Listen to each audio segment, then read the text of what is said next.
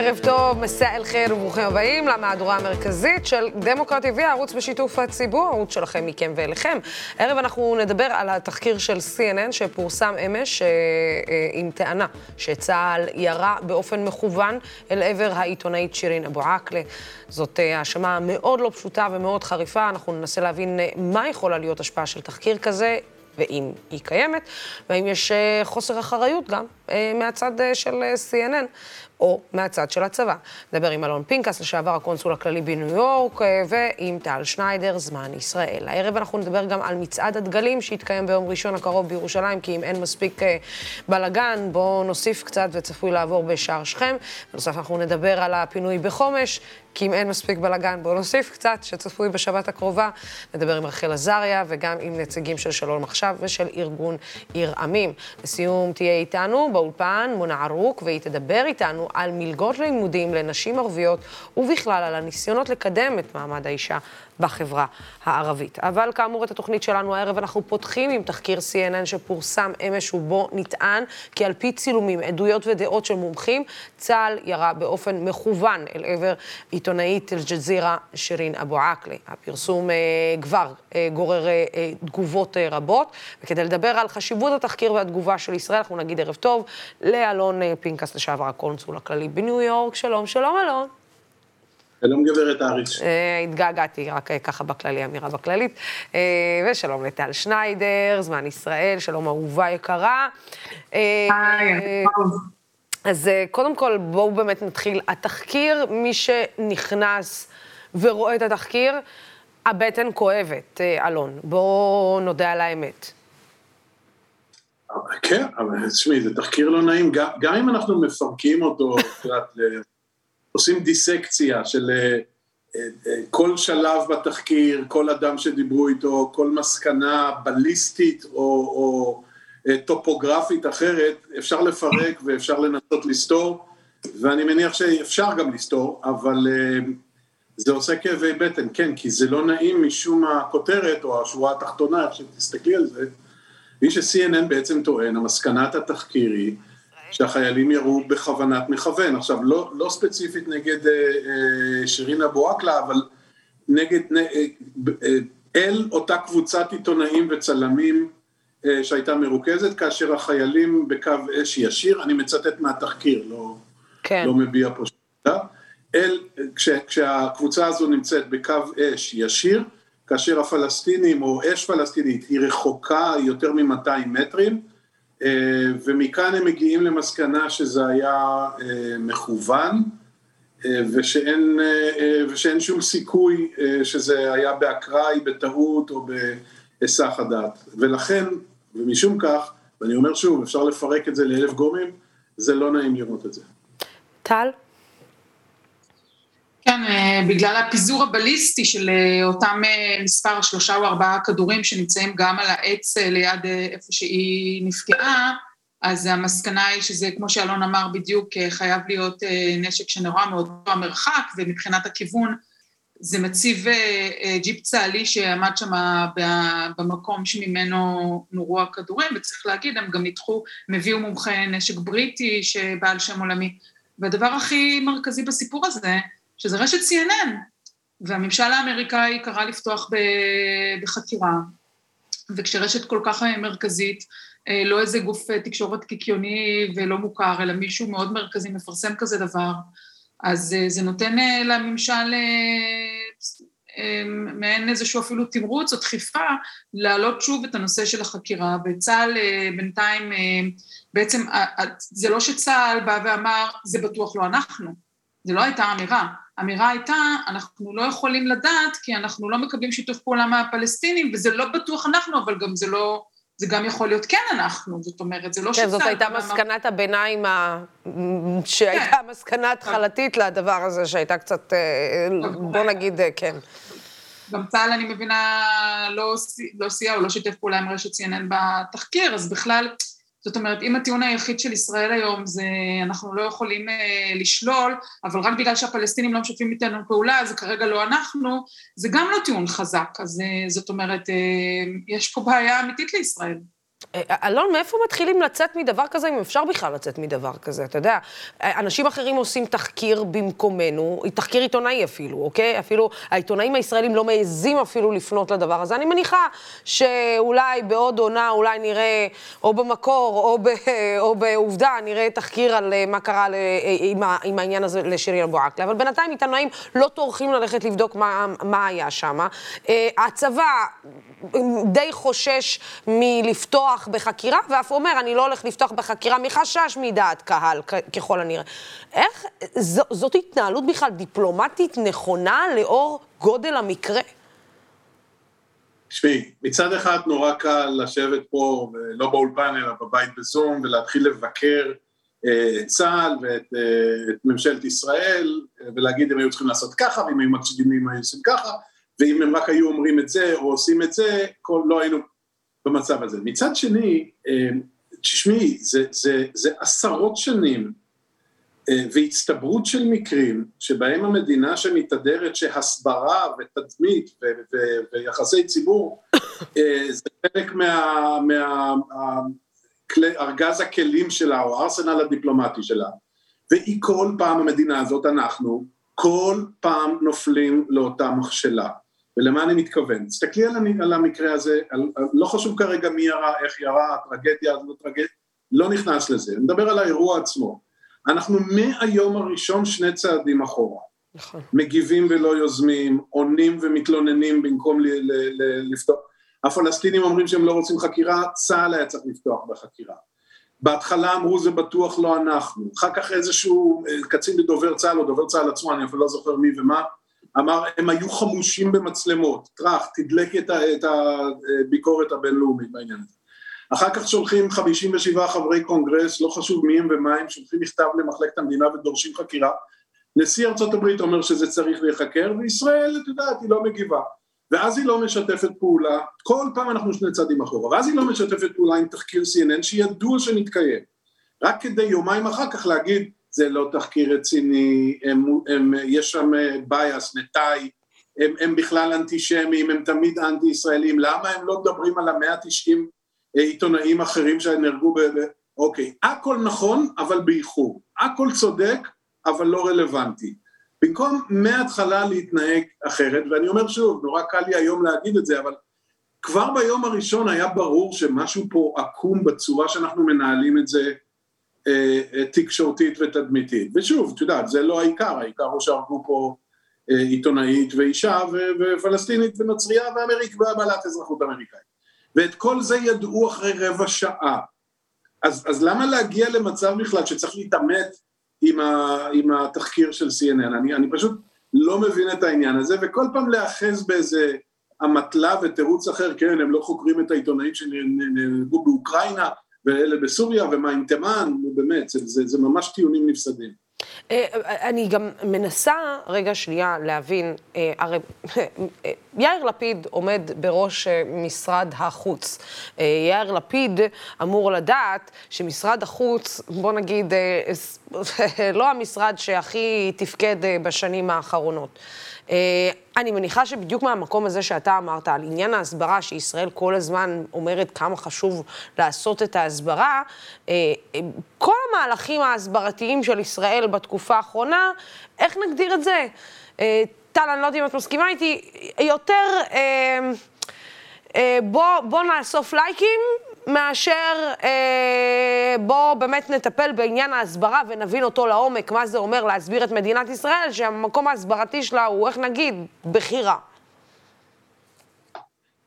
בסופו של דבר זה קשה להסביר שליטה צבאית אה, ישראלית בעם אחר, זה לא איזושהי משימה שאת יודעת, אה, קסמי הסברה או אה, מומחי רשתות יכולים לפתור אותה.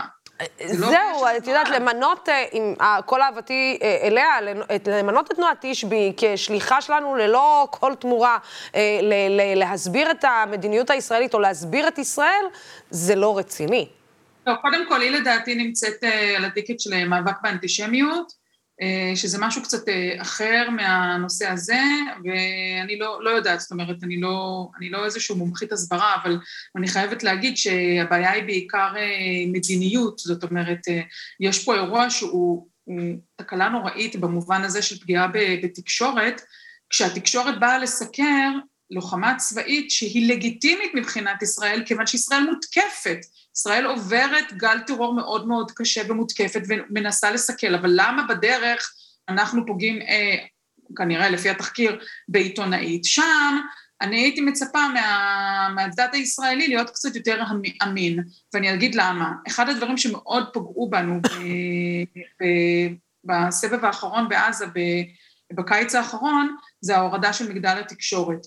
עכשיו, בישראל יודעים שבנושא תקשורת יש רגישות גלובלית, וכולם ישר קופצים, ואז כל מי שקופץ אפילו לא יודע שאנחנו תחת מתקפה, ושאנחנו תחת טרור נוראי, ושאנחנו מנסים פה לשמור על חיי אדם, הרי, הרי, הרי נרצחו פה 18 אנשים, אז כאילו בקטע הזה ישראל לא מצליחה לה, להעביר את הדגש לצד השני ולהסביר שהיא אה, תחת אה, מתקפה, אבל אני, אני כן חושבת שבגדול, בכל מה שקשור ל, ליהודה ושומרון, שנהרגת אה, אזרחית שמסקרת, אישה שמסקרת אה, לחימה, אז לכי תסבירי את המדיניות הישראלית, שהיא מדיניות של שליטה בעם אחר, זה דבר שהוא כמעט לא, לא ניתן להסברה. אה, זהו, אני רוצה לקחת אפילו את, את תחילת הדברים שלך ולהפנות, אלון, אה, הרי האם באמת אפשר לנתק את השיח האנטישמי כלפי ישראל לשיח הישראלי המדיני? זאת אומרת, הרי גם כשאתה מנסה להסביר או לצאת כנגד האנטישמיות, אתה כל הזמן תיתקל בכיבוש, אה, פלסטינים, אה, ירושלים, אה, אל-אקצא, זה, זה הרי, זה כבר זה אי אפשר לנתק את זה אחד מהשני. עכשיו, את עכשיו מדברת כמו, כמו דוברת ממשלה. אה, לא. לא. אלון, לא יפה.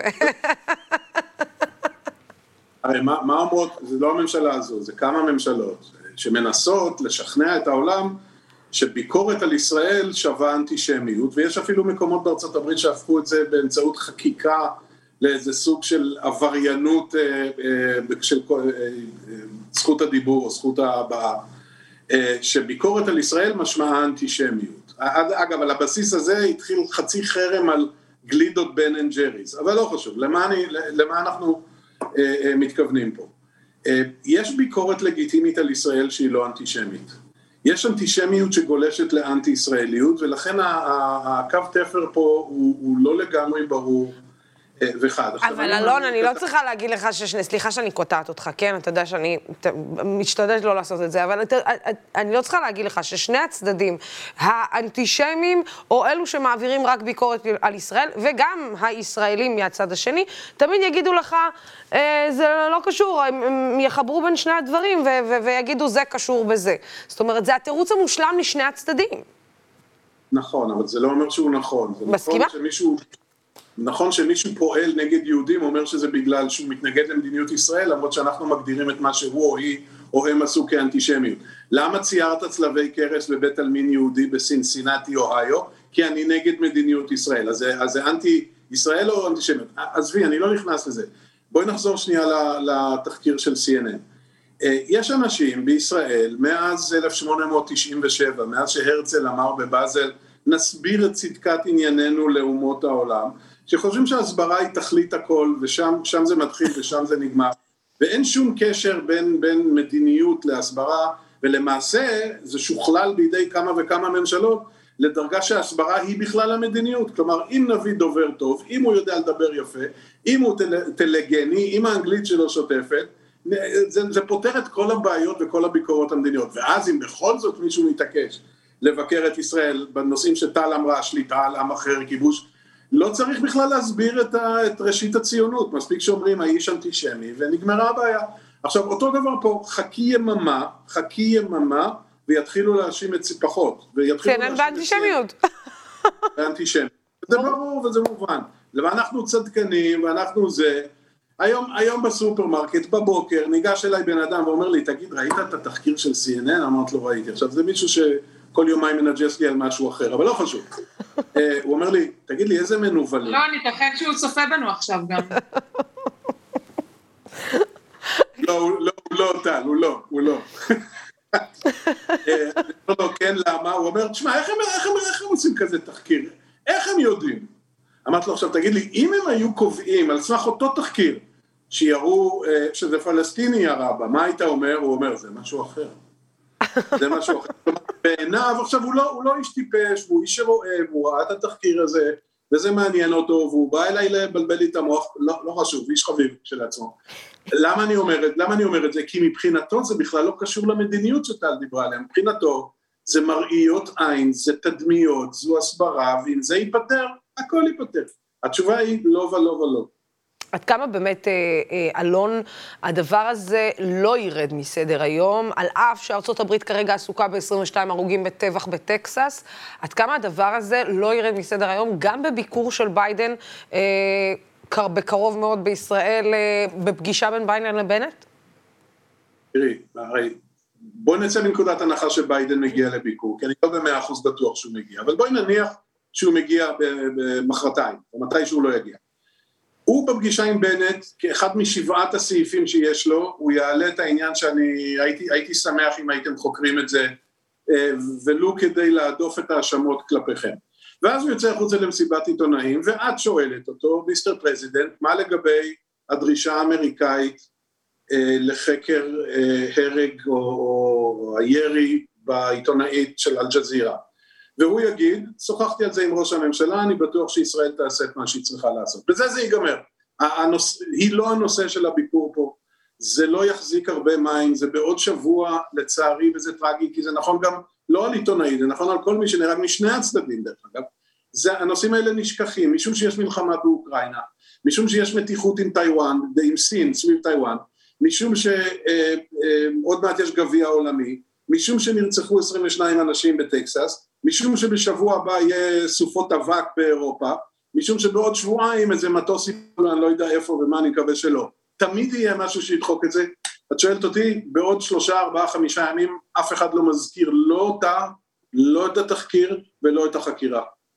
טל, אה, בואו באמת אה, רגע שנייה נדבר, אה, אני רוצה לקחת אתכם בעניין הזה התחלנו לדבר על דברים שקורים בעולם, הטבח בטקסס, 22 הרוגים בטבח בטקסס, בסוף ראינו אין ספור וידאוים במהלך הלילה הזה של, אה, בוא נגיד, מובילי דעת קהל, אה, מאמנים של NBA, שחקנים שפשוט דורשים לשנות את המדיניות, מדיניות הנשק, ונגד, לצאת כנגד הלובי של הנשק בארצות הברית. האם זה בכלל משהו שהוא אפשרי שיקרה, כמו למשל, לשנות את המדיניות ההפלות בארצות הברית? הלובי של מה שנקרא NRA משמן בכספי דולרים ובהרבה כספים את uh, רבים מאוד מהמפלגה הרפובליקנית, זה חלק מאוד נכבד מהתרומות שלהם, אפילו אנחנו רואים למשל מיט רומני שנחשב uh, מתון בתוך המפלגה הרפובליקנית וצייץ אתמול בלילה ציוצים של uh, ייאוש ודיכאון ממה שקורה, אנחנו יודעים שהוא מקבל הרבה מאוד כסף מהלובי בעד הנשק, זה לובי, אולי את יודעת, אה, אולי הכי חזק אה, בארצות הברית, אז את שואלת אותי שאלה כזאת פוליטית וצינית, אני לא רואה שהאמריקאים משנים כיוון בנושא הזה. אה, המפלגה הרפובליקנית היום חזקה, מתחזקת, הולכת, צועדת לקראת בחירות אמצע הקדנציה עם איזשהו מסרים של התחזקות, למרות שהאגף הטראמפיסטי בתוך המפלגה לא מצליח, זאת אומרת, הוא, הוא מחזיק היום אה, קבוצה מאוד אה, משמעותית, אבל זה לא שהוא שולט לגמרי במפלגה, אבל עדיין, כי, כי ראינו תוצאות אתמול של בחירות אה, של חלק מהאנשים שהם מאוד עוינים את טראמפ בתוך המפלגה הרפובליקנית שהצליחו להיבחר, אבל, אבל עדיין, עדיין ככלל המפלגה הרפובליקנית נמצאת היום במצב יותר טוב ממה שהיא הייתה לפני כמה שנים, והיא צפויה אפילו להשיג רוב בשני הבתים. אז אם הם ישיגו רוב בשני הבתים, בעוד אה, כחצי שנה, התחושה שלי זה שגם אם הם לא משיגים את הרוב, הדברים האלו לא משתנים. ואני אגיד לך יותר מזה, גם בתוך המפלגה הדמוקרטית יש כאלו מורדים שהם נוטים יותר ימינה, כמו אה, הסנאטור מווסט וירג'יניה, שהם גם תומכים אה, או נתמכים על ידי לובי הנשק. אז אני, אני חושבת שמבחינה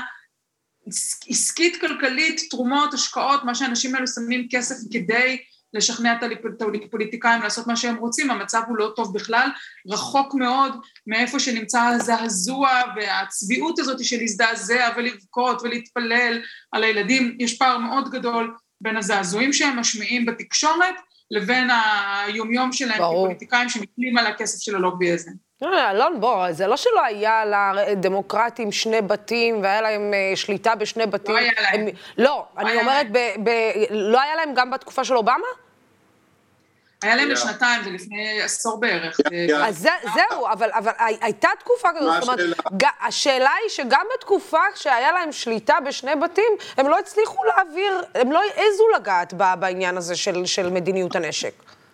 נכון, משום שזה, טל צודקת במאה אחוז שההשתעבדות המוחלטת אה, לנשק כאיזה, אה, כאיזה מתת אל שפוגע בחירויות של האמריקאים, את תטילי עליו מגבלות, זה מאפיין רפובליקאי, אבל זה לא נכון שהסגידה לכלי נשק אה, היא רק רפובליקאית, היא, היא תרבותית, היא אמריקאית, ולכן לא יקרה כלום ושום דבר. זו אומה חולה בעניין של כלי נשק, יש בארצות הברית קרוב ל-400 מיליון כלי נשק אה, שמתפזרים על פני 334 מיליון אנשים, זה 1.2, יחס של 1.2. 87 אחוז מכל הנרצחים בכלי נשק בעולם הם בתוך ארצות הברית. אה, זה, זה, זה יקרה בעוד שבועיים, עוד פעם, לא יעשו שום חקיקה. התומכים בחקיקה באים ואומרים, הפוליטיקאים הנבזים, הרקובים מוסרית, הצבועים, הצדקנים, מגלגלי העיניים, שעושים הצגה של איך זה קרה לנו ומה נעשה, הם פועלים נגד הציבור האמריקאי, הנה 84 אחוז אה, מהציבור האמריקאי רוצה יותר פיקוח ו-67 אחוז רוצים איסור מכירה של נשק אה, אוטומטי והפוליטיקאים לא עושים כלום, זה נכון, אבל זה לא כל הסיפור. יש באמריקה תרבות של נשק ותרבות של אלימות וזו סגידה שמתחילה מהמערב הפרוע ועוברת דרך האדרת האלימות בהוליווד והפכה להיות לאיזה פרשנות סוטה, מעוותת וחולנית של התיקון השני לחוקה, שמעולם לא התיימר להיות מה שמייחסים לו היום, שכל אחד קונה לו קלצ'ניקוב בוולמארט, אה, וז- וזו האמת, אני לא ממציא את זה, זה כן. אפשר לקנות קלצ'ניקוב בוולמארט, אה, והולכים לפחח והוא מסדר שזה יהיה אוטומטי, כי לכאורה לא מוכרים אוטומטי, אז זה כלום, זה, זה עם מברג וצבת, אבל זאת לא הנקודה. לא יקרה כלום. אמרה טל בצדק, הם כולם יגלגלו עיניים, הם כולם יתפללו, הם כולם יגידו שליש ויש מקום בלב לכולם, הם כולם יגידו שצריך ל... ל, ל ובעוד שבועיים, תרשמי טוב, בעוד שבועיים זה יקרה עוד פעם. אלון פינקס, אה, תודה רבה אה, לך. אה, אני, אנחנו ניפגש בקרוב. אה, אבל אה, בינתיים, אה, טל תישאר איתנו גם לדיון הבא בשני נושאים. האחד, מצעד הדגלים שייערך ביום ראשון הקרוב בירושלים, והשני, פינוי ההתנחלויות בחומש, שצפוי להתקיים ביום שבת. אני רוצה להגיד ערב טוב לרחל עזריה, לשעבר חברת כנסת וסגנית עיריית ירושלים. שלום, שלום. תודה רבה שאת מצטרפת אלינו, רחל. אהלן, שלום וברכה. אז כן. אנחנו אה, ראינו אה, פעילים של שלום עכשיו שמעלים את הפוסטר אה, הבא, באים לפרק את המאבק בחומש, עם תמונה של בולדוזר, את המ- המאחז, סליחה, בחומש, עם תמונה של בולדוזר. דעתך על, על התמונה הזאת? שזה מאוד מאוד, זה, אני כמובן סולדת ממנה, אה, באופן כללי אני סולדת מאלימות וזו תמונה אלימה, אה, וגם יש פה איזושהי תופעה מאוד מאוד מעניינת, ששני הצדדים, אני, כשבדקתי קצת מה, מאיפה זה הגיע, זה הרי לא מה שאנחנו רגילים לראות בשמאל הישראלי, אז זה הגיע מתוך איזו תחושה שכאילו השמאל אה, לא מספיק אה, אסרטיבי, שכאילו, הנה יש ממשלת שינוי, אבל עדיין היא מתנהגת כמו ממשלת ימין ולא כמו ממשלת שמאל. ואז הזכרתי בספר שנדמה לי ארז תדמור כתב על אה, למה אתה מצביע ימין ומקבל שמאל. זאת אומרת, יש פה בעצם, לשני הצדדים יש הרגשה שהם אמור לקרות משהו אחרי שהם הולכים לקלפי וקורה משהו הפוך, ואז הם יוצאים לאיזו מחאה שהולכת ומחמירה, ואני חושבת שזה משהו שמאוד חשוב לשים לב אליו, והוא גם מאוד מאוד בעייתי. זאת אומרת, אנחנו, יש פה קבוצות יחסית קיצוניות שמנהלות איזשהו שיח, שאיך שאנחנו רואים את ההתנהלות של הפוליטיקאים וגם ההתנהלות בקלפי, רוב הציבור בישראל הרבה יותר מרכז ממה שהקבוצות האלה היו רוצות שהוא יהיה, ולכן הן הולכות ומחמירות את ההתנהלות. והפוסטר הזה זו דוגמה מאוד מובהקת לזה. אה, אז תכף אנחנו נמשיך לדבר גם אה, בנושא הזה. טל, אה, איפה זה עומד כרגע? טל, כן, טל איתנו. טל, איפה זה עומד אה, כרגע? זאת אומרת, אה, האם באמת אה, בני גנץ הולך לממש את הרצון לפרק את חומש ובאמת, בוא נגיד, לזעזע את מצבו הפוליטי? תראי, לפי מה שאנחנו שומעים ממנו, לא בשיחות רקע, אלא דברים שנאמרים, והיום דיבר סגן שר הביטחון אלון שוסטר בכנסת כתשובה לחוק, לבטל את ההתנתקות, חוק, הצעת חוק שהציעה הליכוד כדי שיהיה אפשר להחזיר יישובים בצפון השומרון, לפי מה שאנחנו שומעים, הם מתכוונים למלא אחר החוק ולהוריד את המקום שמה. אבל גם איילת שקד, אגב, שהיא מתנגדת לזה, הוציאה היום איזושהי הודעה כזאת יחסית אה, מרוככת, שבאה והיא אמרה שזה במשא ומתן ובשיחה, והיא מאוד מקווה שזה לא יקרה, אבל היא לא הוציאה הצהרות בומבסטיות שלעולם חומש לא תפונה וכאלו. אז אני לא, לא יודעת להגיד לך, אה, זה נכון שזה מסוג הדברים שהם יכולים אה, להקריס את הממשלה, פרישה של ניר אורבך, ראינו את ה... זאת אומרת, הוא יכול, ראינו אותו וראינו את טל גנצבי שהוא חבר שלו, והיה לו קשה מאוד עם כל מיני מהלכים אחרים, אז הדברים האלו הם מאוד, אה, התקבלו מאוד אה, באופן קשה במפלגת ימינה. מצד שני, אני, אני לא יודעת להגיד לך, זאת אומרת, גם נתניהו הוריד מאחזים, כי היה חייב לעשות את זה על פי החוק, אז אה, אני, הם בטח יחפשו איזו פשרה מפאיניקית, את יודעת, שבה בני גנץ יעשה איזשהו תמרון או משהו כזה, כדי לא, כדי לא לעשות את זה בצורה של אצבע בעין. אז רחל, בואי באמת אה, נעבור אה, לדבר על אה, שנייה על מצעד הדגלים, עוד נושא שנמצא במחלוקת, דגלים כן, לא, שער שכם כן, לא. כל שנה מתקיים מצעד הדגלים, וכל שנה ישנה, לפחות בשנים האחרונות, ישנה איזושהי התכוננות רבתית לקראת איפה יעבור, מה התוואי, כן, לא, מי מאשר, לא מאשר.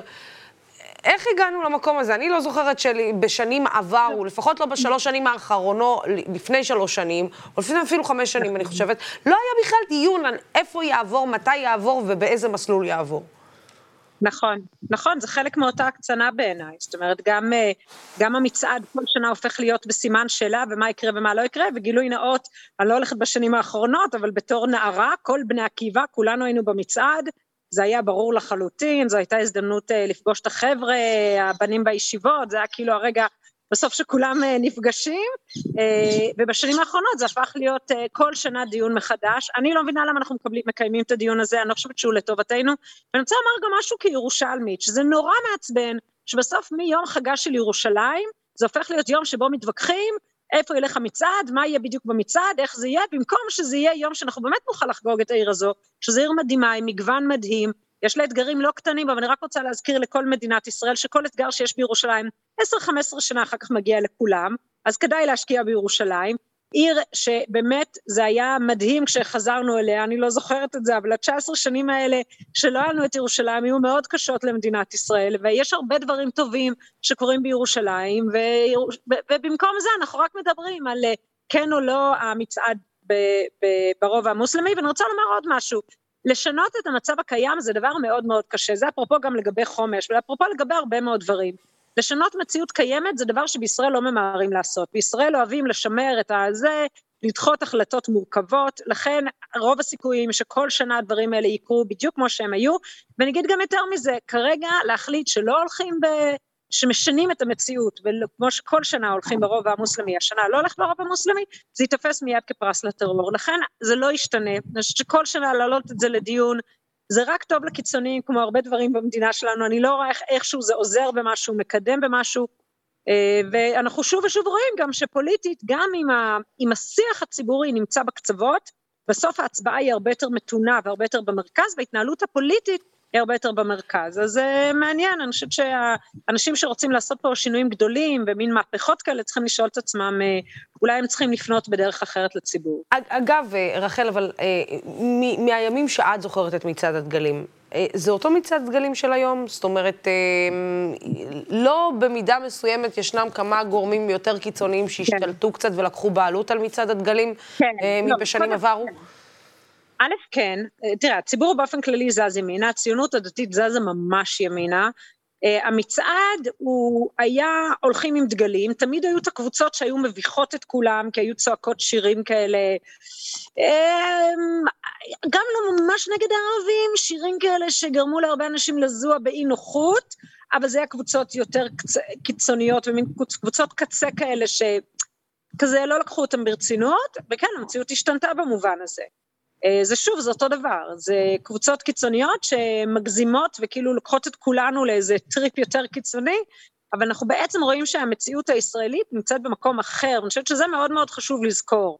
שהמציאות הישראלית בכל זאת היא הרבה יותר מתונה, ואם גם השמאל וגם הימין מרגיש שמצביעים ומקבלים משהו אחר, אז כנראה שמשהו בכל זאת בעיניי עובד פה טוב, כי אני מאוד בעד המרכז, וכן, המצעד הולך ומשתנה, ואני חושבת שבמקום שהדיון יהיה האם או לא צועדים באיזה חלקים, וברובע המוסלמי, הדיון צריך להיות איך דואגים שבמצעד לא יאמרו אמירות שאנחנו לא מוכנים לשמוע, שהן מנוגדות לתפיסת העולם שלנו, או, או שירים, או התפרעויות, או דברים כאלה. בעיניי זו השאלה. לא, לא, לכולם מותר לומר מה שהם רוצים, אבל אני חושבת שכן, אה, אלו יהיו הכיוונים שהייתי הרבה יותר פועלת בתוכם, איך מונעים את ההתפרעות, מונעים אלימות, דואגים לזה שזה יהיה מצעד הרבה יותר רגוע ושלו ושקט, אני חושבת שזו צריכה להיות השאיפה, במקום כל שנה דיון שהוא טוב רק לאנשים עם עמדות מאוד אה, ברורות ויחסית קיצוניות לחברה הישראלית. כן, אה, טל, עוד פעם דיון, עוד פעם כן, עוד פעם לא. השר לביטחון פנים בעצם אומר, עזבו אותי, לפחות בזה אני לא, לא מתכוון uh, כרגע לעשות שינויים.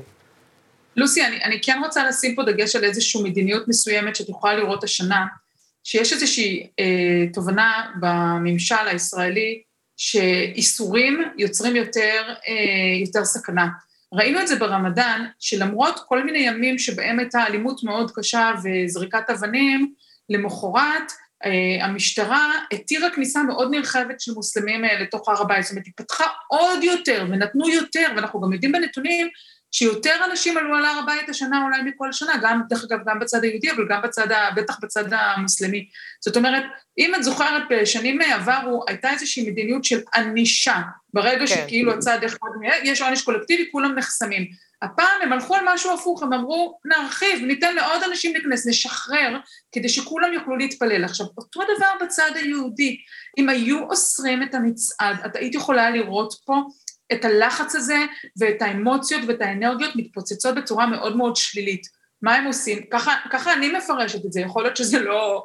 זה, אבל אני מפרשת את זה שהם נותנים את ההיתרים כדי לתת ביטוי לכמה שיותר אנשים לשחרר, את להניף את הדגלים שלהם, לרקוד, לשיר, אני מסכימה, מצטרפת לכל מילה של רחל, שאני מאוד מקווה שלא תהיה שירה נגטיבית ושלילית ומתריסה, אבל בעצם, או שבכלל שלא יהיו פעולות או מעשים או אקטים אה, אה, אלימים, אבל אני חושבת שיש כאן איזושהי מדיניות מרחיבה שבאה ואומרת שכל צד, שכולם יחגגו, שכולם יתפללו, שכולם יסתובבו, ואנחנו נביא, אנחנו נעשה את העבודה שלנו, נביא הרבה כוחות שיטור ונשמור על הסדר. וזו למיטב הבנתי המדיניות הנוכחית, והיא לא, לא בהכרח מדיניות שלילית, היא, היא, היא, היא, היא יכול להיות שהיא מדיניות שהיא יותר נכונה ממדיניות ההגבלות והענישה הקולקטיבית.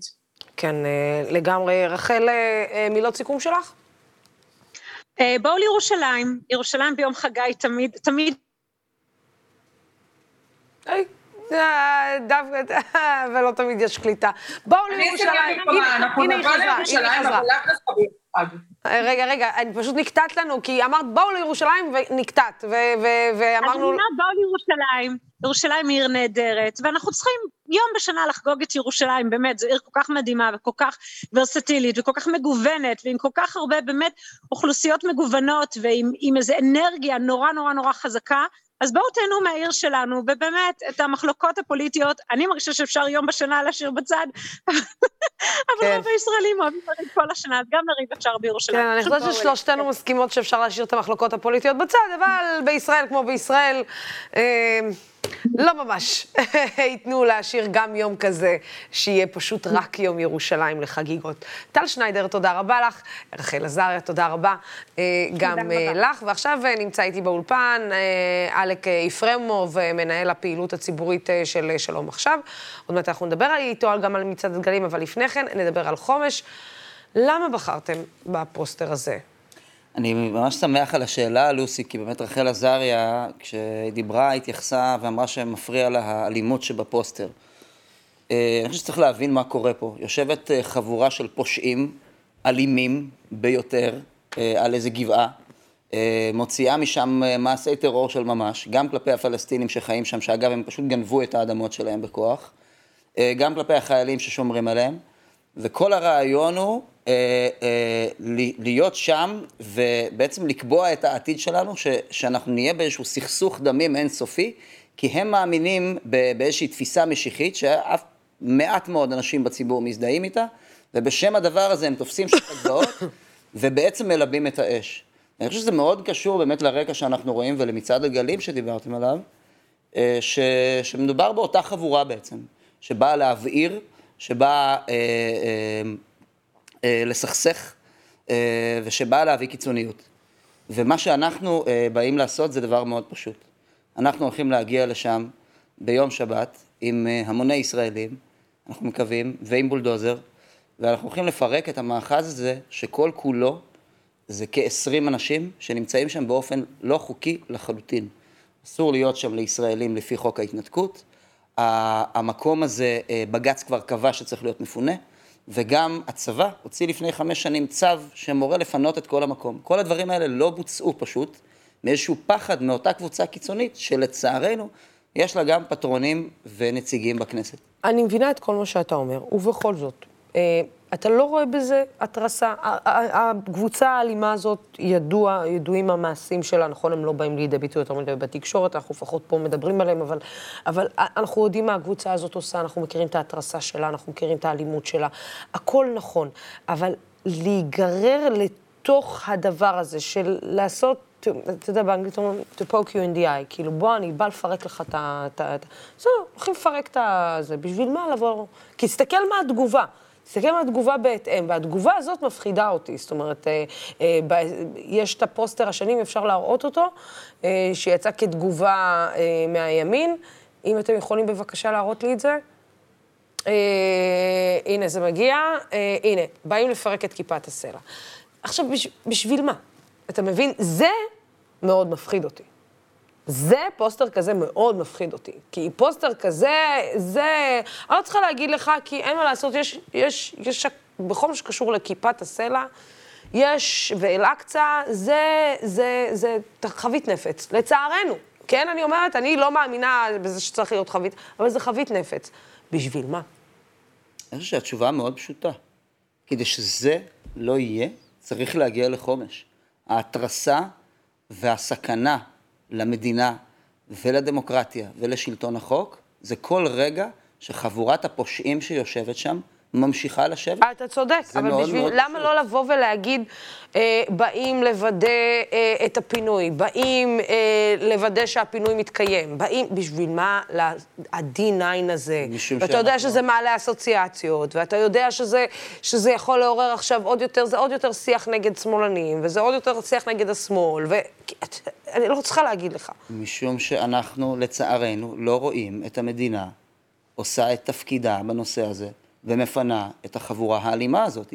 בני גנץ, אנחנו שומעים אותו רק לפני יומיים, אומר חומש תפונה, מתי היא תפונה אנחנו לא יודעים, כל עוד אין מעשים, אה, אנחנו לא מסתפקים במילים הריקות האלה, המקום הזה מזמן, אבל, אבל מה אתם מתכוונים בעצם לעשות? את, את, אתם תגיעו לשם ו...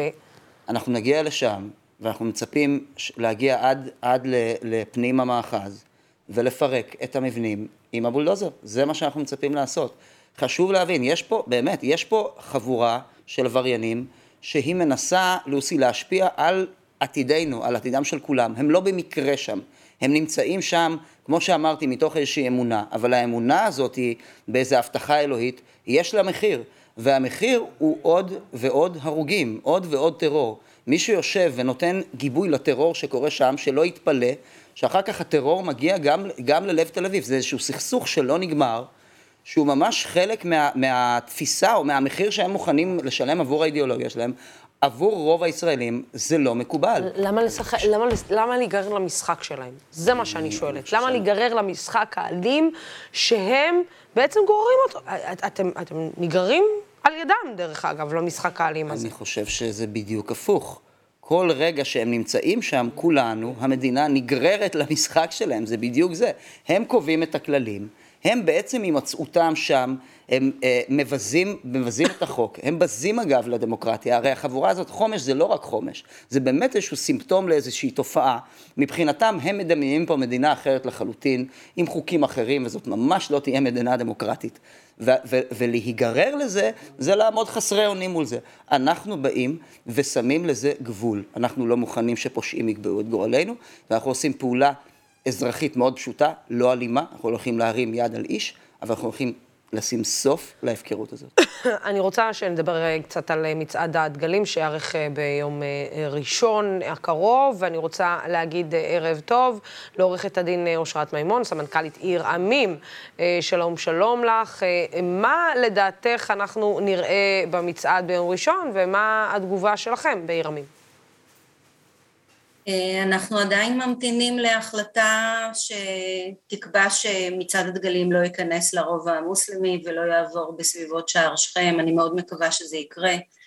בניגוד לדוברות הקודמות, אני כבר uh, עשור נמצאת שם uh, בכל שנה, והמראות הן לא מראות של קומץ ולא מעט uh, אנשים ששרים שירים uh, uh, לא ראויים, זה, המצעד כולו הוא מצעד מאוד כוחני, מאוד אדנותי, בשנתיים האחרונות הוא לא צעד שם, לא צעד ברובע המוסלמי ולא צעד בסביבות שער שכם, וגם לא מדובר במצעד שכל השנים צעד באותו מסלול.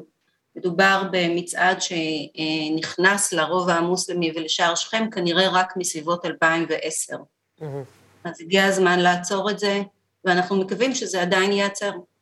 אה, והמצעד יצעד, אנחנו לא טוענים נגד המצעד בכללותו, אנחנו טוענים נגד הפיצול שלו שנעשה באזור העיר העתיקה בין גברים לבין נשים, כאשר נשים צועדות דרך שער יפו והגברים צועדים דרך שער שכם והרובע המוסלמי, זאת אומרת יש מסלול שריר של המצעד שהוא מסלול אחר ופחות אה, אדנותי.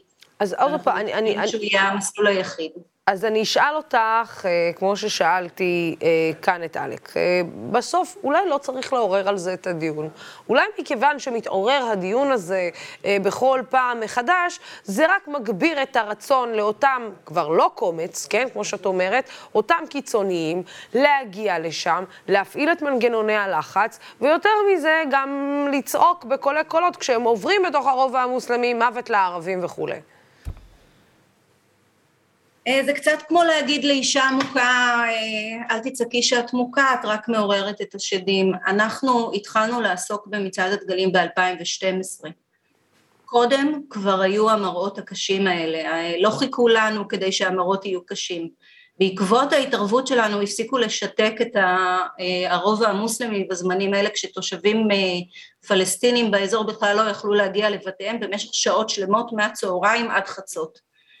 אז ההתערבות שלנו הייתה מכיוון שכבר היה קיצוני, מכיוון שכבר היו אה, אה, מקרים מאוד קשים של אלימות בתוך המצעד.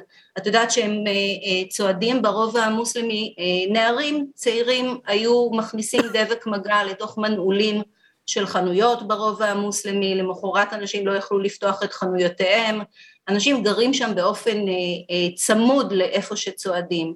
אז אפשר לעצום עיניים ואפשר לתת לאלימות להימשך ולא להגיד שום דבר, אבל uh, כמי, שתוש... כמי שירושלים מאוד מאוד חשובה לנו, ואני לא מוכנה שיגידו שלאחרים יותר חשוב מלי, אני חושבת שחייבים לעצור מראות כאלה, כי הם לא מראות ראויים לחגיגה בירושלים. ובכל זאת זה נראה, אלק, שהמדינה באה ואומרת, כמו שטל אה, שניידר אה, אמרה לנו לפני זמן, אנחנו במדיניות של הולכים לאפשר. אם אנחנו נלך על הנגד של אסור, אסור, אסור, זה ייצור את התגובה ההפוכה.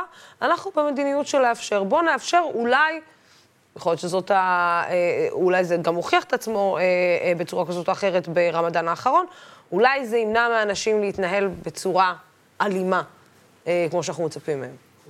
אולי, אבל קורה בדיוק הפוך, כי הקבוצה האלימה הזאת, כך בדיוק היא פועלת. היא קובעת עובדה בכוח, וכשאני אומר בכוח, זה בכוח עם אגרופים ועם מקלות ועם גרזנים. רק אתמול, אגב, ירדו עשרות מתנחלים בדיוק מהמאחז הזה, מחומש, ופגעו ושברו יד לאחד התושבים שם באזור הפלסטינים. קובעת עובדה, משתלטת כאן, משתלטת כאן, והמדינה, מאיזה חוסר אונים, מאיזה פחד להתעמת, או מה שאת אומרת, כדי לא להקצין לצד השני, מרכינה ראש מול הדבר הזה. ואז הם כובשים עוד מאחז ועוד מאחז. ושוב, אני אומר, מאחז זה לא רק פיזי, זה גם איזשהו מאחז תודעתי במה הם יכולים לעשות כאן, מבלי, מבלי שמישהו ישים להם גבול. וכך בדיוק הם עובדים, וזו שיטה. ואנחנו באים ב-28 במאי לעצור את זה. אז מי שמפריעה לו אלימות, מי שנגד אלימות, חייב ומוכרח להצטרף אלינו ב-28 במאי, כדי לפרק את, ה, את המקום הזה ושזה יהיה תקדים לפעולה אזרחית נגד עוד הרבה מאחזים לא חוקיים ואלימים שקיימים. תקדים לפעולה נגד אלימות. אמ, אה, את יודעת, אני, אני מנסה להבין, אה, אושרת, אה, מה אתם בעצם מתכוונים לעשות במידה והממשלה, זאת הייתה ההחלטה שלה. זאת אומרת, אנחנו מחליטים שהמצעד כן יצעד, ואיך אומרים, אינשאללה חיר. תראי, אנחנו ארגון שמאמין בדמוקרטיה. אנחנו משתמשים בכלים שיש ברשותנו, אה, יש יותר מ-1,300 אנשים שכבר שלחו מכתבים אה, גם לשר לפיד וגם לראש הממשלה בנט בעניין. אה, אנחנו עושים כל שביכולתנו כדי למנוע את זה, אין לנו דרכים נוספות לעצור את זה, אני חושבת שזאת בכייה לדורות אם זה יקרה.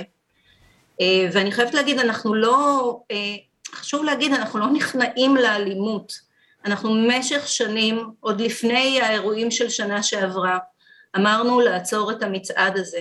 אבל קורה מה שקורה הרבה פעמים, שעד שלא מתעוררים ויש תגובה מאוד קשה מהצד השני, ממשלת ישראל לא מקבלת החלטה אחראית וראויה והוגנת של איזון ראוי.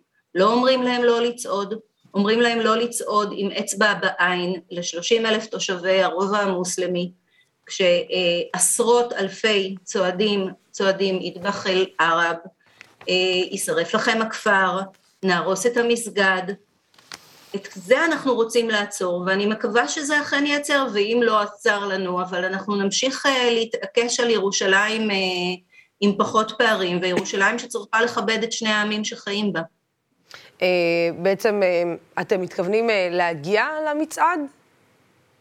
אנחנו בכל שנה מגיעים, אנחנו עוקבים אחרי מה שקורה, אני משערת שגם השנה נגיע, אני מקווה שלא נצטרך, אני עדיין מקווה, אבל אנחנו בכל שנה מגיעים, זה מעמד מאוד מאוד לא נעים, מאוד מאוד לא נעים, את עומדת שם ומתביישת אה, במה שנעשה גם בשמך. אה, אני חייבת גם לחבר לאייטם הראשון שלכם על שירין אבו עקלה. העם הפלסטיני היום באבל, יש אישה, סמל לאומי עבורם, שנהרגה, ולא משנה בידי מי, אני לא אכנס לתחקירים כרגע, והמראות סביב הלוויה שלה היו נוראיים. באותו מקום רוצים לצעוד עם האצבע בעין, ואני חושבת שזה, כל בר דעת יבין את הפער האדיר בין לעצור לוויה, לגרום לארון ליפול, בגלל שמרימים דגלים פלסטינים, ומצד שני אה, מצעד אלים, כל שנה אלים, שעובר ברובע המוסלמי, לא לעצור אותו כי הוא ישראלי. אז אני מקווה בכל זאת שזה לא יקרה, אבל אם זה יקרה אז אנחנו נהיה שם ונתעד כבכל שנה. כן. אה, אלק יפרמוב, אה, תודה רבה לך, אני מקווה שהפינוי הזה יעבור בשלום לכל הצדדים. אשמח לומר משפט סיכום, כן, בטח, בטח, ברור. אנחנו מאוד מקווים שבני גנץ, שאמר אה, השבוע שחומש צריכה להתפנות, לא יבגוד אה, שוב בבוחרים שלו וגם באינטרס של אזרחי ישראל, ולא יסגור איזשהו דיל עם הימין הקיצוני. כי כל זמן שהימין הקיצוני שיושב שם על הגבעות קוצר רווחים, מי שמפסיד זה אזרחי ישראל. ואנחנו באים לייצג את אזרחי ישראל ב-28 במאי ולפרק את המאחז. כן, אה, אולי צריך לשאול אותו מה היה פשר החיבוק אה, החם שהוא קיבל אה, מסמוטריץ' אה, במליאה שם, אבל זה רק שניהם יודעים על מה הם הסתודדו. יכול להיות שגם בני גנץ עסוק בדברים אחרים כרגע, אולי בלהקים ממשלה משל עצמו. תודה רבה לך, אלק יפרמוב, תודה רבה. אושרת מימון, תודה רבה גם לך. ועכשיו, לפני סיום, נמצאת איתי באולפן מונה ערוק, מנהלת שותפה של תוכנית מהפך תרהיר על תוכנית חדשה, שמגייסת נשים אה, למלגות לימודים לנשים במגזר הערבי, בעצם לשלוח נשים לאקדמיה, יותר ויותר נשים לאקדמיה. מרחבה. מסע אל-חיר. אה, אז הרי בואי נודה על האמת, הש... כבר הרבה שנים שיש שינוי מאוד גדול בחברה הערבית, ואנחנו רואים יותר ויותר נשים שיוצאות ללמוד אפילו יותר מגברים. אה, אני חושבת שזה נכון, דווקא אני אחד מהן. Mm-hmm. אחד האנשים שבאמת אה, היה לי חלום, ורציתי לצאת ללמוד, והגשמתי את החלום שלי.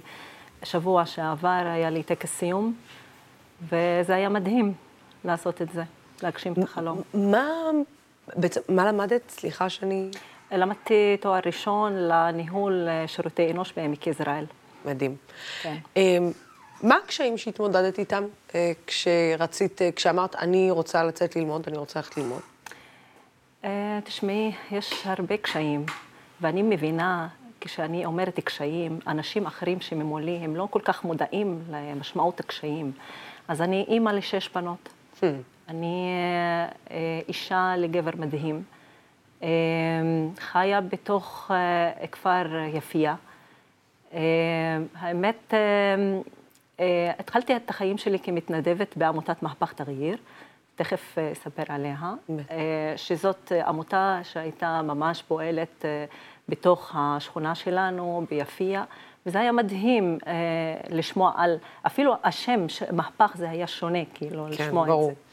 אז ככה ההתחלה כמתנדבת, אחר כך כרכזת, והיום כמנהלת לעמותה, אבל זה המשמעות של מהפך, לעשות מהפך בחיים. ובעצם החברה, כשאת יוצאת ללמוד, מעקמת uh, קצת את האף ואומרת, מה עכשיו את יוצאת ללמוד, ומי לוקח אותך, ומי מחזיר אותך, אני פשוט מכירה... בטח, כן. אני, אני מבינה שאת מכירה את זה. האמת, אה, יש המון קשיים בהיותך אימא, והולכת לעבודה, ואת אה, חייבת לדאוג לילדים שלך, את חייבת גם לא לשמוע לאחרים שאומרים לך, בשביל מה? בשביל מה לעשות כל המאמץ הזה? בשביל מה תשארי בתוך הבית שלך, לא צריך. את אה, אה, לא חייבת לעזוב את הילדים, זה מפחיד, אולי הילדים לא יהיו אה, אה, במקום שהם צריכים להיות לו, פה, כאילו לטפל בהם. אבל זאת המשמעות של אה, הפרויקט שאנחנו גם עושים במהפך תרעיר, פרויקט מאוד גדול שקוראים לו הזדמנות שנייה. שבאמת שואף אה, לדחוף נשים לאקדמיה. הוא דוחף נשים מבוגרות יותר אל האקדמיה, או, או מתמקד בצ... כי, כי אני חושבת שהיום בנשים... בצעירות יותר ויותר הרי הולכות לאקדמיה. יש איזשהו נכון. מסלול מאוד מאוד ברור. נכון. היום לצעירה ערבית, היא יודעת שהיא מסיימת תיכון, רובן אה, פונות אה, לאקדמיה, אולי בחברות יותר אה, סגורות, אולי בחברה הבדואית, בחברה של הכפרים יותר, אולי פחות, אבל, אבל בחברות כמו ביפיע, כמו בנצרת, כמו ב... לא, יותר ויותר בנות, ואת אה, מכירה, כן. כל עוד ברור. שהאישה נהיית יותר מבוגרת, יותר קשה יותר לה קשה. להשיג עוד הזדמנות. ברור. אמ, אני מכירה נשים מדהימות שהן ממש היה להן קשה, הן מעדיפות, במקום שהן ילכו וישלמו אה, לתואר ראשון, הם ישלמו לילדים שלהם. גם המצב הכלכלי לא. פשוט, המצב החברתי לא פשוט. אז הן מעדיפות שהבנים שלהם ילכו לאקדמיה, או אה, לטפל בילדים שלהם במקומות אחרות. וזה מה שקורה. אבל בהזדמנות שנייה, אנחנו, אה, זה פרויקט שנותן את, ה, אה, אה, את התקווה לנשים, שזה מקום שאפשר להגשים את החלום שלהם, ללכת לאקדמיה בלי לדאוג למימון של התואר כולו, וזה מדהים, וזה מדהים. זה לא רק הרי בסוף המימון של התואר, זה, זה, זה לא רק הידע. בעיניי, אני חושבת שזה בעיקר הביטחון העצמי, שבעצם נוצר אצל אישה שהיא קמה ולומדת וצוברת ידע, ואז עם הידע הזה היא הולכת ובעצם משיגה עבודה ומתפתחת, מכניסה משכורת הביתה, הרי זה גלגל שמניע הרבה מאוד גלגלים אחר כך. נכון, צודקת. האמת, אה, את מזכירה לי את עצמי. אה, אני בעצמי התחתנתי בגיל מאוד צעיר, והייתי בתוך הבית שלי כל הזמן. לא היה מעניין אותי מה קורה בחוץ. אבל כשהצטרפתי לעמותה שהיא ממש פועלת בתשע מקומות בארץ, היא עמותה פמיניסטית, חינוכית, קהילתית, שפועלת עם, כאילו, עם נשים, סטודנטים, אה, מתנדבים, ילדים, וזה מדהים. הבנות שלי היו, היו שם, אני רציתי לדעת מה קורה שם, מה זה מהפך, רציתי, רציתי לדעת, הלכתי לשם, ראיתי חבורת נשים, חבורת נשים מלוות את העשייה האקטיביסטית שם, וזה היה בשבילי משהו חדש, משהו שונה. אז בהצטרפותי שם לקבוצת הנשים, המודעות שלי כאישה, שאפילו גם לא, לא פגשתי מקודם נשים יהודיות. גם כשפגשתי את הנשים היהודיות, שאת יודעת, העמותה ממש היא עמותה יהודית ערבית. יהודית ערבית. אז כשפגשתי את הנשים היהודיות, התודעה שלי, כאילו, בתודעה שלי היה אה, שאוקיי, אנחנו נשים ערביות, הן נשים יהודיות, ולא נראה לי שהן מבינות, ואפילו הן חיות באותו מצב שאנחנו חיות בו. נכון. אז uh, להפתעתי, כשפגשתי אותם, זה היה uh, ממש uh, דומה. דומה. כי אני באמת ראיתי בהם נשים uh, שהעמותה באמת uh, שואפת, כאילו, להניע את, את הקבוצות המוחלשות. הן נשים מוחלשות, פריפריה, כמוני, כן, בפריפריה. דווקא אני לא האמנתי שאני באתי מקהילה מוחלשת. זה, אני לא האמנתי לזה. כשאמרו לי, את, כאילו, אנחנו פועלים בקהילה מוחלשת, אמרתי לא, לא, לא, לא, לא, לא, זאת לא אני. לא, אני לא באתי מקהילה מוחלשת. וזה לקח לי זמן להבין ולשים את זה בתודעה. לכן אני מבינה מה עכשיו קורה עם הנשים, הנשים שהן בתוך פרויקט הזדמנות שנייה, שהן שואפות ללמוד, הן עוברות את אותו תהליך שאני עברתי, את תהליך התודעה. וממש זה מדהים, מדהים, מדהים לראות אותם שואפות ללמוד, למרות כל הקשיים, למרות הקושי הכלכלי, למרות שיש מימון, אבל יש קושי כלכלי. בוא. ולמרות uh, הקושי החברתי, חברתי. ולמרות כל הקשיים מסביב הנשים, המשפחה, החברה, זה, זה לא קל. לא קל לעזוב ולחזור ל- ללמוד אחרי כל כך הרבה שנים, לחזור עוד פעם לזום, למחשב, ללמוד את השפה... שפה עברית כשפה שאת צריכה להגיש בעבודות. ו... בטח, מטלות, עבודות, מטל... זה, זה, מילה, עצם המילה מטלה, הם לא היו יודעים מה זה מטלה. לעשות את המבחן האמירם, שזה דווקא קשה נכון. לאנשים, ודווקא הקבוצות של מהפך, שהן קבוצות חרוצות, נשים חרוצות, הן רוצות ממש ממש להצליח. הן כאילו, וזה, אני, אני לא מופתעת מזה, האמת, כי אני אחת כמוהן. חרוצות, הן לומדות, יושבות ביחד, לומדות כקבוצה, וזה מהמם, וזה מדהים. אה, את יודעת, אמרת, אמרת אה, בהתחלה של, של התשובה, אמרת משפט מדהים. אמרת, אה, הצטרפתי לקבוצה של נשים אקטיביסטיות פמיניסטיות. כן. את יודעת, להרבה אנשים ששומעים עכשיו, אומרים, פמיניזם ערבי, זה הולך ביחד? זאת אומרת, ערבי ופמיניזם עם כל האלימות ומעמד האישה כן, והפטריארכליות כן. שאופיינית בחברות סגורות יותר כמו החברה הערבית. כאילו, זה, זה הולך ביחד? מזכירה לי קטע שהיה לי עם אה, מישהו שלמדנו ביחד. אז הוא אמר לי, תספרי לי מה, מה את עושה בעמותה. אמרתי לו, אמר לי, תספרי לי על העמותה. אמרתי לו, זאת עמותה פמיניסטית. אה, הוא אמר לי, פמיניסטית? כאילו... כן, זה לא הסתדר לו חיג'אב, ואת אומרת ערבייה ופמיניסטית. הוא הסתכל על איך זה, איך פמיניסטית, אולי זה, כאילו, תזהרי, אולי זה ייקח אותך למקומות אחרות מפחידות, תזהרי, זה לא טוב, זה אולי נגד הדת. Mm. והתחלתי... אה, ככה אה, להיות סקרנית. רציתי לדעת עוד יותר על המשפט, רציתי לדעת עוד יותר מה המשמעות של פמיניסטית, מה המשמעות של זה. האמת, בתוך תוכי אני מאמינה שהיא אישה פמיניסטית, שהיא אישה שנותנת לנשים אחרות גב, שהיא נותנת אה, חיזוקים, שהיא עוזרת לנשים. וזה מה שאנחנו עושות במהפך, זה מה שאנחנו עושות. וזה בשבילי, זה גאווה. דווקא בימים האלו, אנחנו אה, לקראת הפרויקט הזה, הפרויקט המדהים הזה, שהוא קיים בשלושה מקומות, באקה אל-גרבייה, יפו אה, ויפיע. ולאחרונה אה, יש לנו קבוצה של אה, 24 נשים שהם ממש היה להם טקס סיום וסיימו. אה, דווקא אה, ממש אה, הקבוצות האלו הן אה, לומדות את התואר הזה, אה, וזה מאוד מדהים. זה מאוד מדהים. את יודעת, אה, מעניין אותי מה, יש לך שש בנות, אמרת? יש לי שש בנות. אללה יחלי לקיין. מה, מה, כאילו מסתכלות עלייך, יש להן את הדוגמה שלך בבית. אמ, בחברה אני מניחה שהן לפעמים גם בטח שומעות דברים אחרים, בניגוד למה שהן רואות בבית. מה השיעור הראשון שאת בעצם מעבירה לבנות שלך? אמ, היה לי סיפור קשה עם הבת שלי כשהייתה קטנה. הייתי, אה, התחלתי להתנדב ולעבוד בעמותה. הלכתי גם ללמוד באוניברסיטת חיפה בתוך פרויקט כזה, חונכות לזכויות. אז הבת שלי באה ואמרה לי, אימא, אה, את אימא, את צריכה להישאר בבית, לעשות אוכל, ולהישאר בבית, לטפל בבית. וואו.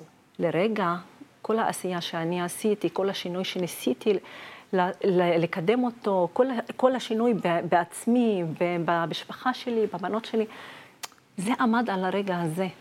זה עמד על הרגע הזה. וואו. אז החלטתי, במקום שאני, אה, אה, אה, כאילו, כאילו, הדבר הזה כואב, אבל החלטתי ברור. שאני צריכה לשנות באמת, אז לקחתי אותה, פעם אחרון, אח, אחרי זה, לקחתי אותה לאוניברסיטה איתי, ואמרתי לה, תסתכלי, הנה, הנשים פה, הן יכולות להיות פה. דווקא היום הבת שלי, היא סיימה תואר ראשון, אני והיא, היה לנו טקס יום ביחד. מדהים. אבל זה מדהים. אמ, אני גם אה, באמת מעריכה אה, את התהליך שהנשים של הזדמנות שנייה חוות, כי באמת זה לא קל. אה, רציתי להגיד מקודם שדווקא אנחנו יצאנו לדרך לקמפיין, קמפיין הזה של מימון המונים. וזה מאוד חשוב, לך, מה שחשוב בקמפיין הזה, שהנשים עצמן, הם אלו שהן מחזקות אחת את השנייה, והן רוצות לחזק עוד, עוד יותר נשים, לעודד עוד יותר נשים כדי שיגשימו את החלום שלהם. זה לא פשוט להגשים חלום. אני, כשלבשתי את ה... אני לא יודעת איך אומרים את זה בעברית, את ה... גלימה. גלימה. כשלבשתי את הגלימה בכיתי. בכיתי, כי עשר שנים מאז שאני ניסיתי לקחת, כאילו, שיהיה לי תואר ראשון, זה היה חלום שלי. Hmm. עשר שנים, ובדרך זה הייתה לי נפילות, היה לי כאילו קשה, לפעמים עזבתי, לפעמים חזרתי, אבל הייתי לבד. אבל אני מבינה את הקשיים, אבל בסוף אה, מה שהרגשתי שזה נתן לי כוח, זאת הבנות שלי. האמונה שלי, אם אני עכשיו אפסיק, זה יגרום לעוד נשים שהן ממש יתייאשו, ואני לא רציתי שאנשים יתייאשו, אני רציתי להיות מודל חיקוי לאנשים. בשבילי זה היה מאוד מאוד חשוב לעשות את השינוי הזה. אני מסתכלת עלייך, את יודעת, בהערצה, אה, כי זה לא, זה לא ברור מאליו, אה, גם הדרך שאת עברת, אה, וגם להגיע למקום שהגעת אליו, וגם המסר שאת מעבירה. זה כל כך לא ברור מאליו. את كيف بيقولوا بالعربي بترفع الراس. זה, זה גאווה גדולה לראות אישה ערבייה כמוך צועדת בראש הזה ואומרת, כן, ואני, ואני, ואני אעשה את השינוי. אז קודם כל אנחנו מצטרפים אה, למאמצי הגיוס, אה, גיוס המונים אה, שאתם עושים בעמותה. אז כמובן שאנחנו נעביר כאן את, ה, את הפרטים למאמינות בהזדמנות שנייה, מהפך, תריר, אתם רואים את זה על המסך כמובן. זאת עמותה יהודית ערבית שעוזרת לנשים ערביות ונשים יהודיות, גם מהפריפריה, אוכלוסיות מוחלשות. שמעתם את מה שהיא אמרה, החלום זה ללמוד, ללכת ללמוד ולעשות תואר. מה שנראה לכל כך הרבה מאיתנו משהו טריוויאלי וברור מאליו, לאנשים זה בגדר חלום. ומונה כאן אה, נמצאת כדי להגשים גם לעצמה, גם לבנות שלה, גם לבנות שלנו, אה, וגם לבנות שלכן את החלום הזה. מונה, يسلموا كثير كثير كثير كثير على كل شيء بتعملي תודה רבה לך. תודה רבה לצופים ולשותפים של דמוקרט TV. התוכנית הזאת והערוץ הזה אפשרי רק בזכותכם ובזכותכם. בימים כמו אלו הולכת ומתחדדת החשיבות של ערוץ תקשורת שלא מפחד להביע עמדה נחרצת בעד הדמוקרטיה ובעד שלטון החוק, בעד המאבק בשחיתות ובעד מגוון של דעות. אנחנו נתראה מחר בתוכנית מיוחדת על הנרטיב היהודי והערבי והבחירה בשותפות, וזאת על פי הבחירה שלכם, השותפים של דמוקרט TV. עד אז, סלמת.